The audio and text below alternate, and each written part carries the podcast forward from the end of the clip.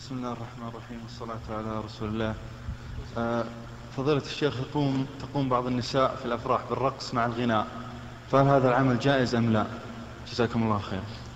الذي أرى أن أن يمنع النساء من الرقص لأن لأن ذلك فيه فتنة.